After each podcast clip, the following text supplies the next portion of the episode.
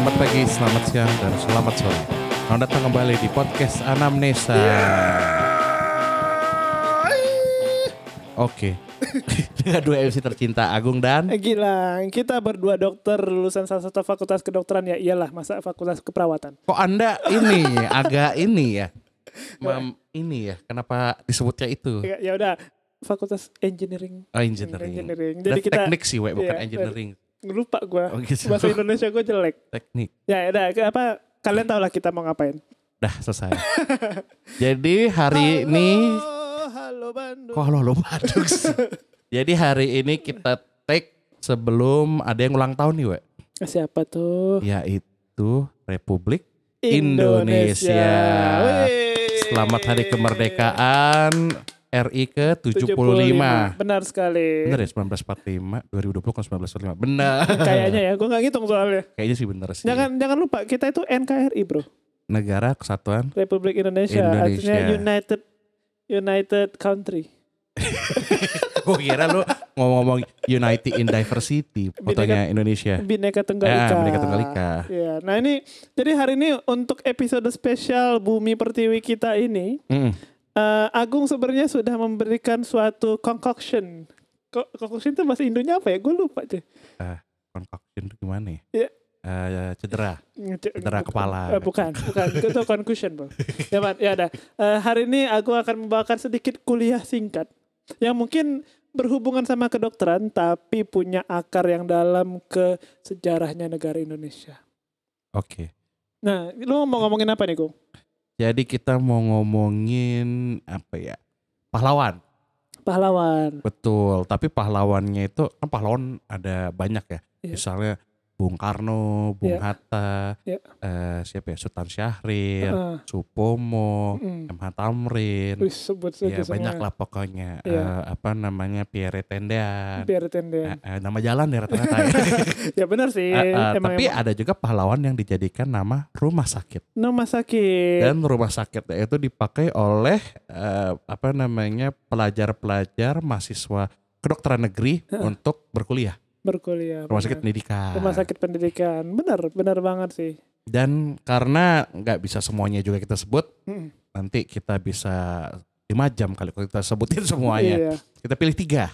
Pilih tiga. Apa aja nih, Gong? Tapi ini karena ini nih, gua kan nggak terlalu membaca nih bahannya Eh, lu baru baca sekarang You soalnya. surprise me karena gue terlalu sibuk stres gue baru baca. Dan lu yang punya ide lo bikin episode 17-an. Iya, cuman stres gue coy, lagi gue tadi, gue kira tadi kayak apa nih episode 17-an? Eh, bahaya ini kali, apa panjat pinang gitu. Eh bahaya banget trauma. iya. Tunggu tiba-tiba ide, oh ya pahlawan yang dokter juga. Iya, pahlawan dokter ya. Kita ini membahas Pak dokter-dokter yang sudah membantu dalam langkah kemerdekaan rakyat Betul. Indonesia. Jadi ada tiga kota, Tiga kota? Oh, tiga iya. kota dan tiga universitas. Oke. Universitas Indonesia, yaitu di Jakarta. Heeh, Universitas Airlangga, heeh. di mana tuh? We? Di Bandung. Eh bukan. Salah sebut gue. Di mana? Apa eh, Erlangga? Teman gue dia Unar masalahnya. Anjing dia gak tahu. Sorry Dayu, gue lupa Dayu. Sumpah gak tahu. lupa gue. Eh, Sem- eh, Semarang. Laki guys. Anjing bener dia gak tahu. Surabaya. Ya oke benar.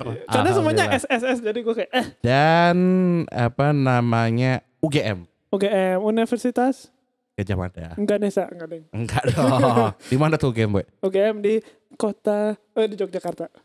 Oh mikir tadi Ya, ya, bukan, bukan. Gue ingat ada referensi kita di episode sebelumnya. Ya semacam itulah. Jangan disebut. Oke, jadi kita ngomongin yang di kota Jakarta. Iya. Siapa nih Gong yang lu mau bahas hari ini? Jadi kita mau bahas Cipto, Dokter Cipto Mangunkusumo. Dr. Cipto Mangunkusumo, nama yang sangat lekat pada rumah sakit rujukan nasional. Bahkan orang mungkin lebih uh, ingat itu singkatannya RCM. RSCM. Rumah Sakit Cipto Mangunkusumo. Iya, tapi ini menarik ya sebenarnya ada background yang yang istilahnya sangat sangat virtuos apa apa ya? Gue jadi bingung. Apa? Ada background yang sangat mulia di balik ceritanya kisah hidupnya Dr. Cipto Oh, apa Mangunkusumo. tuh, we? Silakan cerita. Nah, gue gue inget dulu Apa-apa? karena Dr. Cipto Mangunkusumo ini gue baca sedikit ya. Eh. Jadi Dr. Cipto Mangunkusumo ini lahir lahir di tahun 1886. Mm-mm. Eh, lalu beliau ini dalam perjalanan hidupnya memutuskan untuk masuk Stovia yang dulu adalah sekolah sekolah pendidikan kedokteran pertama Mm-mm. di Indonesia. Dulu sebenarnya disebutnya Mantri Kesehatan. Hmm, bisa sebut gitu karena Mantri terus- apa ya? Mantri Sunat apa Mantri Kesehatan? Gue lupa. Iya tenak nakes lah gitu Ya, ya. nakes ya. Jadi waktu itu masuk di Stovia pada usia 13 tahun dan saat itu menjadi 13 tahun loh. Oh iya, masih 13 tahun loh. Ini Wow. sumber dari historia.id. Historia.id. Kredibel salah satu kayak dia tuh kayak semacam Tirto kumparan tapi khusus sejarah. Nah ini ini cerita yang gua tahu ya. Jadi mungkin nanti Agung bakal ngapain. Gua inget di cerita dokter Cipto Mangunkusumo ini dulu dia praktek Hmm. Yang saat itu mengobati pasien, Hmm, tapi pasiennya nggak bisa bayar. hmm. Akhirnya beliau malah ngasih duit ke pasiennya. Itu gua eh, tidak bisa konfirmasi kayaknya iya deh. Gue ingat, gue ingat yang itu. Akhirnya dia malah terkenal kalau misalnya dia itu jadi praktek malah jadi nggak ada duit. Hmm. Karena dia selalu mikirkan ini orang-orang yang kesa apa kesakitan ini ternyata ceritanya nggak cuma soal penyakit aja, soal Hmm. kisah hidup. Jadi dia berusaha membantu orang walaupun itu at the cost of his life gitu loh. Hmm. Gitu. Itu sih yang gue tahu. Gimana Gong? Lu mau menceritakan menceritakan lebih lengkapnya? Eh, jujur gue nggak bisa konfirmasi tapi kayaknya benar. Kalau soalnya gue bilang. tapi kalau dari bahan yang gue baca, Ah. lulus Slovia dia menjadi dokter pemerintah. Di sini pemerintah adalah Indonesia itu belum merdeka, Oh jadi iya. masih Oh iya pemerintah benar. Belanda. Belanda. Jadi waktu itu dia ditugaskan ke daerah Jawa Timur. Hmm. Waktu itu lagi ada wabah pes, penyakit pes, bukan main bola ya. Eh, bukan. Bukan. Zaman dulu kagak. Eh, eh, akhirnya karena berhasil memerangi Heeh. menanggulangi wabah, dia menerima penghargaan dari Belanda. Cuman Hmm. menolak. Nah dari poin ini tuh dia sudah kayak apa namanya ada nih rasa-rasa nasionalisme. Hmm. Mau mau lo penjajah gitu. Iya. Kayak kayak gitulah. Iya. Terus akhirnya dia mundur dari dokter pemerintahan, Hmm. lalu terjun ke politik. Hmm. Contohnya adalah dia aktif pada Budi Utomo. Oh ya, partai, gue lupa partai apa Bukan ya. partai. Pokoknya perkumpulan pertama, pokoknya Organisasi kebangsaan pertama Organisasi kebangsaan yang pertama. membuat sumpah pemuda. betul. Emang pinter gue. bukan deh bukan.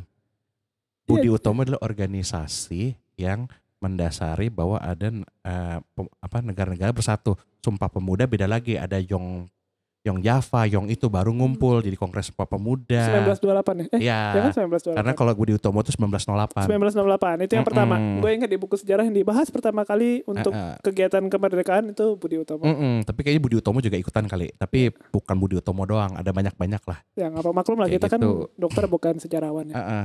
Jadi intinya dia tuh gigih mengusulkan agar Budi Utomo tuh jadi organisasi politik yang memperjuangkan kebangsaan dan Hmm. membuka pintu selebar-lebarnya bagi siapa pun yang ingin bergerak dalam politik kebangsaan. Jadi dia walaupun bukan salah satu yang apa ya, kalau dulu kan Budi Utomo tuh eh, mungkin di apa tokoh satu lagi kita baru ngomongin Budi Utomo, tokoh dari Surabaya. Ya. Cuman dia termasuk aktif lah di Budi Utomo. Lalu habis itu dia sempat keluar apa keluar dari Budi Utomo, mendirikan Indise Party. Pernah dengar gak? Pernah. Nah itu bersama Dowes Dekker Iya. dan Suwardi Suryaningrat. Ya. Tahukah Suwardi Suryaningrat itu siapa? Siapa tuh, Kung? Eh, sekali lagi guys. Laki Tapi guys. kayak tapi kayak nggak tahu deh kalau gue sebut nama lainnya baru tahu. Ki Hajar Dewantara. Ih ketawa. Oh iya benar. Benar. Masih ingat gue. Jadi Suwardi Suryaningrat tuh Ki Hajar Dewantara waktu itu ditawarin sama dia kan kalau nggak salah eh ini gue nggak catat di bahan. Apa? Cuman waktu itu ditawarin sama Cipto, eh, Dokter Cipto itu menawarkan bahwa waktu itu kan Dokter Cipto pegang sebuah koran, Hmm. gue lupa di Jakarta Bandung. Ya. Nah ditawarkan untuk mau nulis gak nih eh, Pak Suwardi. Ya. Akhirnya dia menulis, gue lupa bahasa Belandanya, tapi intinya jika saya menjadi seorang Belanda. Hmm. Kenapa dia menulis itu? Karena waktu itu adalah lagi eh, kemerdekaan Belanda, Pak ulang tahun eh, kerajaan Belanda. Ya. Nah dia menulis bahwa ketika gua lagi merayakan kemerdekaan, gua nggak akan merayakan dengan bahagia, gua akan merayakan dengan sedih karena gua sedang menjajah banyak negara. That Akhirnya didengar sama perintah lah. Pokoknya itu lagi gencar-gencarnya Cipto Mangunkusumo tuh lagi disorot, Ki Hajar Dewantara disorot, Dowes Hmm. Dekker disorot gitu. Oh, jadi a- apa semacam gerakan agresif pertama soal Mm-mm. kemerdekaan. Memang Cipto Mangunkusumo dari sumber-sumber yang gue baca disebut sebagai tokoh yang berani Hmm. Gitu. Nah dia pernah juga jadi wakil rakyat atau Volksraad bahasa Belandanya. Mm-mm. Terus dia ikut mogok dalam eh, aksi mogok petani gitu. Hmm. Pokoknya eh, memprovokasi ya bahasanya kali ya. Hingga dibuang ke Banda Neira. Uh, Banda Neira di mana, we? Banda Neira di kayaknya di Sumba ya. Iya? Maluku. Maluku. Selama 14 tahun. Wow. Akhirnya dia balik lagi jadi dokter, cuman eh, sakit-sakitan. Akhirnya eh, dan meninggal di tahun 1943. Wow. Beliau diangkat pahlawan pada 2 Mei 1964, lalu diabadikan menjadi nama RS di Jakarta pada tahun 17 Agustus 1964. Yang nama RS-nya itu dulu adalah CBZ Sentral sesuatu Ah, bahasa benar. Belanda. Gue ingat sejarahnya RSCM ada CBZ. Gitu. Pokoknya uh, Cipto Mangunkusumo itu dikenal karena indise partinya juga, Mm. karena apa ya gerakannya yang sangat apa ya kontroversial lah Iya, iya. kalau untuk ngelawan penjajahan gitu. Beliau ini dokter Cipto ini Hmm. memang kan yang dari yang gue tahu kan baik banget, peduli sama orang-orang, peduli Hmm. peduli sama pasiennya bahkan kayak gitu kan, kayak Hmm. gue cerita tadi. Tapi dia sangat tegas Hmm. kalau soal posisi yang apa soal posisi keadilan, Mm-mm. posisi kemerdekaan. kemerdekaan. Dia bahkan jadi orang yang kayak kata lu tadi menghasut, bukan menghasut, mengajak mempersuasi eh, Ki Hajar Dewantara eh, Untuk nulis. menulis artikel Mm-mm. Jika oposisi aku menjadi eh, Belanda. Artikel oposisi Belanda. ya sebenarnya mereaksi bahwa Belanda tuh lagi ngerayain kemerdekaan, lagi happy-happy. Mm. Dia seakan-akan, oh gue Belanda, tapi gue tuh kalau gue jadi Belanda, gue nggak sedih. Eh gue nggak Mm. bahagia, gue akan sedih karena gue lagi jajah orang. Iya. Sampai me- istilahnya mengorbankan diri berani untuk dibiar apa untuk menerima hukuman diasingkan Mm-mm. selama 14 tahun cuy. Anjir. 14 tahun anak SMP udah jadi. Iya.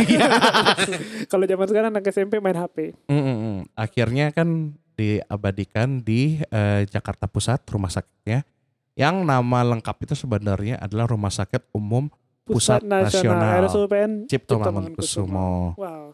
Nah tapi ternyata itu ya apa Cipto Mangunkusumo ini punya legenda yang sangat dalam, tapi terikat sama pah- pahlawan-pahlawan lain. Betul, betul, betul. Gua excited dengar eh, omongan lu tadi yang lu bilang sebenarnya kan ada yang memulai Budi Utomo sendiri kan. Oh iya. Eh, kita lanjut ke kota Surabaya. Surabaya, Surabaya. Surabaya. Kota pahlawan. Surabaya. Banyak sekali. Nah, Sutomo ini beda dengan Bung Tomo ya. Oh beda. Jadi lu baru tahu kalau Sutomo Bung Tomo Enggak, beda. gua enggak apa. Jadi jadi Sutomo ada dokter Sutomo, ada Bung Tomo. Hmm, hmm. Kalau Bung Tomo tuh dia yang eh, orasi Oh, waktu iya. serangannya ini ke Jepang. hotel apa namanya ya 10 November itu Heeh. pas hari pahlawan itu. Tahu, tahu. Ingat gua, ada fotonya cuy. Ah, ah, lagi nih Heeh. apa? ah, kita bukan YouTube ya jadi nggak kelihatan. Iya, Tapi yang pasti jari gua kayak apa menunjuk sih? ke atas. menuju ke atas gitu. Nah, kalau Dokter Sutomo eh, apa namanya? Dia nih eh, lahir 1888. Hmm. Lulusan Stovia juga. Stovia juga. Ah, us- dia masuk di usia 15. Ada muda-muda ya dulu ya. Kayaknya waktu itu standar pendidikan bukan standar pendidikan, orang-orang pada pintar semua. Iya kali ya. Kayak zaman dulu kan bilangnya kayak apa? ah, Aristoteles. Socrates gitu. Jauh banget, Jauh banget ya. Jauh banget, Pak. Jauh banget. Zaman zaman jebot kagak ada pistol, coy. Mm.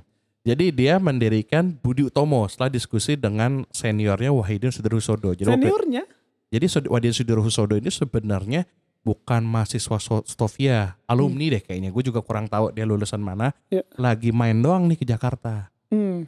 Jadi dia tuh kalau nggak salah dokter Jawa Tengah. Hmm. Terus Wahidin tuh dokter Wahidin, ini dokter juga. Hmm. Apa namanya kasih tahu kenapa nggak ada sebuah organisasi, organisasi yang mewadahi pergerakan nasional. Hmm. Kasih tahu ke Budi Utomo sebagai mahasiswa. Kalau waktu itu masih mahasiswa, masih semangat semangat. Iya. Jadi berarti dia Budi Utomo dari ini pas masih muda banget ya. Iya, cuy. Karena waktu masih masih Stovia setahu gua. Ntar kita coba kita plot 1888. Budi Utomo tahun 1908. Umurnya 20 tahun dia membuat Budi Utomo. Gue 20 tahun ngapain?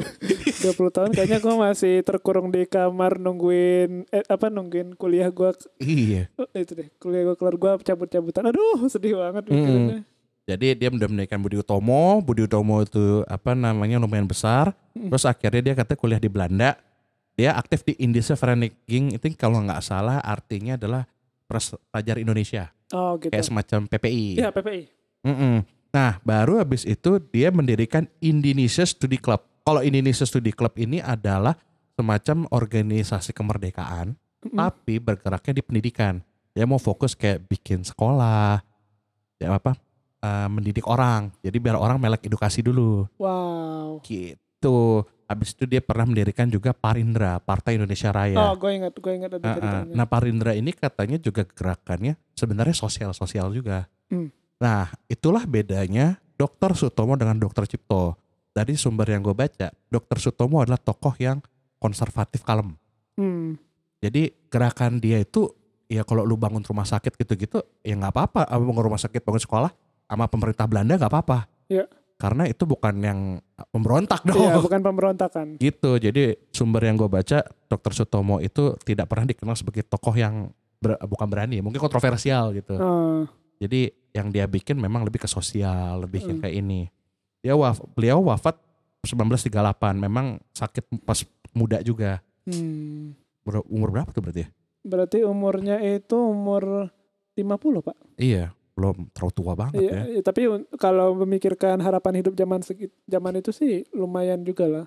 si apa eh, almarhum eh, Dr. Cipto juga kan eh, meninggal 1943 Heeh, lahir 19 1886 86 lebih tua lagi. 50-an berapa doang Iya, juga lima- kan nggak uh-uh. kayak 60 70 Enggak nyampe 60-an. Tapi ya kalau melihat dengan cerita kayak gitu apa eh, masuk Stovia umur belasan tahun mendirikan key apa key organization Mm-mm. untuk kemerdekaan Indonesia itu mimpi banyak orang ya. Iya, milenial zaman sekarang. Iya, Menjadi influencer eh bener bener technically ini influencer zaman dulu. Tapi di masa yang benar-benar memang apa ya merdeka. Ya nama Indonesia aja mungkin masih kayak mimpi kali. Iya, ini- mimpi lu merdeka gitu-gitu bahkan kali. disebutnya Indonesia Indonesia ya. Iya. Belum Bahkan dulu Indonesia, masih kan? Hindia mungkin. Hindia kan Eh, eh. awalnya kan dari dari in- apa dari laut Ah, ah. Hindianya kan namanya Indonesia kan. Lalu beliau diangkat pahlawan pada tahun 1961.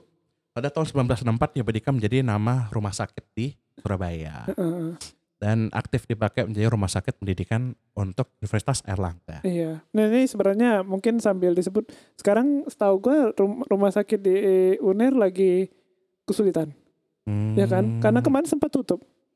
Lu tau gak sih ceritanya? Hmm, Yang ini ya gara-gara apa? Overload itu ya? Gara-gara overload, gara-gara banyak yang positif Mm-mm. staffnya. Staffnya. Ya, jadi moga aja mungkin ini apa sampingan kita berdoa semoga teman-teman di rumah sakit Sutomo Teman-teman arek Surabaya keluar semua ya. biar bisa opo ya? Biar kita sehat. Oh, biar ini kalau bahasa Jawanya tuh waras. Waras. Kalau waras tuh sehat. Tapi itu kalau nggak salah nggak nggak terlalu halus. Yang halus tuh saras ya. Waras tuh ya itulah kayaknya. Iya iya iya. Kenapa saras. kita ngomongin bahasa Jawa tiba-tiba? Gue kan heran bro. Sutomo. Ya Sutomo. Cuman ya itulah. Eh, terus tokoh ketiga siapa gue? Nah, tokoh ketiga ini jarang disebut kalau sebagai tokoh kemerdekaan, yaitu Profesor Dr. M. Sarjito MD MPH. Wow ini lebih panjang gelarnya. Mm-mm. Padahal dia nggak beda jauh nih angkatannya. Heeh. Lahir 1889, Ya. lulus Stovia 1915. Wow. Tapi itu lulus uh, umur berapa tuh, We? Cucu Oh. hitung, We. Eh, berarti umur 20 li, 26. Hmm, tua yang ini. 26 iya, iya. Iya, Tapi lulusan terbaik katanya. lulusan terbaik. Mm-mm. Lalu dia bekerja Institut Pastur Bandung. Nah Institut Pastur Bandung tuh kalau gue baca kayak Ekman zaman dulu. Ekman zaman dulu Heeh. lembaga penelitian. kayak lembaga penelitian. Wow. Terus dia menemukan obat batu ginjal yang namanya kalkusol Heeh. dan penurun kolesterol namanya kalterol. Oh, menarik, menarik. Jadi memang eh, akademisi nih sebenarnya. Heeh. Lalu di masa kemerdekaan mungkin dia nggak bergerak di politik, Heeh. tapi dia katanya membagikan ramsum untuk penjuang-penjuang dinamakan biskuit Sarjito. What? Apa ini? Gue baru denger nih. Nah kan, kalau di searching baru ngerti nih. Karena emang tokoh ini mungkin yang tahu hanya teman-teman UGM aja kali. Heeh. Makanya eh, kesempatan ini kita mau share eh, apa namanya Dok Prof Sarjito ini bagaimana. Oh. Terus katanya dia menciptakan vaksin untuk tipes, kolera dan disentri. Wow. Wak- Dan ini waktu zaman dia bekerja di Institut Pasteur. Oh, oh, oh. Dia adalah yang pertama memprakarsai dari universitas di Jogja itu, yaitu menjadi rektor pertama juga. Oh. Rektor pertama dari UGM. Wow. Lalu juga pernah jadi rektor UII. Universitas Islam Indonesia. Mm. Dan baru banget nih di jadi pahlawan November 2019. Baru. Baru. Padahal namanya sudah dimasukin ke dalam apa nama rumah sakit pendidikan. Nggak mesti karena kalau RSCM aja, eh, gue nggak tahu ya, kayaknya Sutomo juga gitu. Yang ngangkat jadi nama RS itu bukan kewenangan pahlawan, nggak mesti. Oh. Yang ngangkat itu adalah si Menkesnya. Oh iya iya iya. Oke oke. Gitu. Yes. baru na tapi nama RS udah dari lama dari 1974 Iya iya. gitu. Jadi kalau Prof Sarjito ini mungkin beda tipe tapi juga pahlawan menginspirasi dokter-dokter terutama era Covid ini bahkan ya menciptakan terobosan Iya. untuk menanggulangi apa namanya eh, ya pandemi Covid inilah. Nah, Ya. menurut lo gimana Kung ini? Sorry gue potong. Dari tiga tokoh pahlawan yang kebetulan dokter juga, Mm-mm. apa takeaway yang lo bisa lihat dari tiga-tiganya ini? Kalau menurut gua tiga-tiganya itu punya karakter perjuangan yang berbeda. Hmm, benar. Dokter Cipto orangnya berani banget. Gua Iya. Terus dia kayak bodo amat gue di apa namanya dibuang ke Banda Neira apa Iya. gimana. Heeh. Pokoknya eh, apa ya? Dia berani. Iya. Kalau Sutomo, gue setuju sama artikel yang bilang dia tuh orangnya kalem. Hmm, Tapi itu juga perjuangan Iya. membangun apa sekolah, rumah sakit atau apa heeh. eh, bergiat bergiat pada pendidikan, masuk membangun Budi Utomo. Iya. Dia bahasanya apa ya? Pemrakarsa kali atau pembangun. Pembangunan, pelopor. Pelopor. Kalau Dokter Cipto mungkin pendobrak. Heeh, apa, apa apa ya?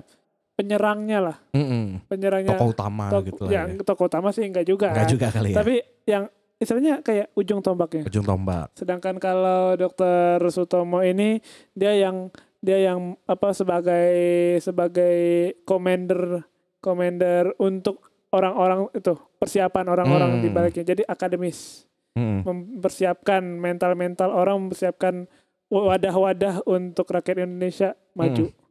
Kalau Prof Sarjito dia bergerak di bidangnya sendiri ya. Dan kalau misalnya dia nggak bergerak misalnya ciptakan vaksin untuk tipes, kolera dan disentri dan waktu itu pasti zaman itu pasti belum high, hygiene kayak sekarang lah ya. Ah, benar. Itu juga perjuangan waktu itu. Terus juga membagikan langsung untuk penjuang, Hmm, banyak meneliti, mendirikan universitas loh. iya. UGM dan yang ya bisa dibilang UGM adalah salah satu universitas terbaik di di Indonesia Indonesia. saat ini atau mungkin di level ASEAN. Ah, benar sih. Ini Prof. Sajrito ini sebenarnya dia itu menunjukkan kalau misalnya perjuangan kemerdekaan tuh nggak cuma stop di masa 45 aja. Mm. Jadi perjuangan kemerdekaan itu berlanjut saat kita sudah merdeka, gimana kita memajukan negara ini. Mm.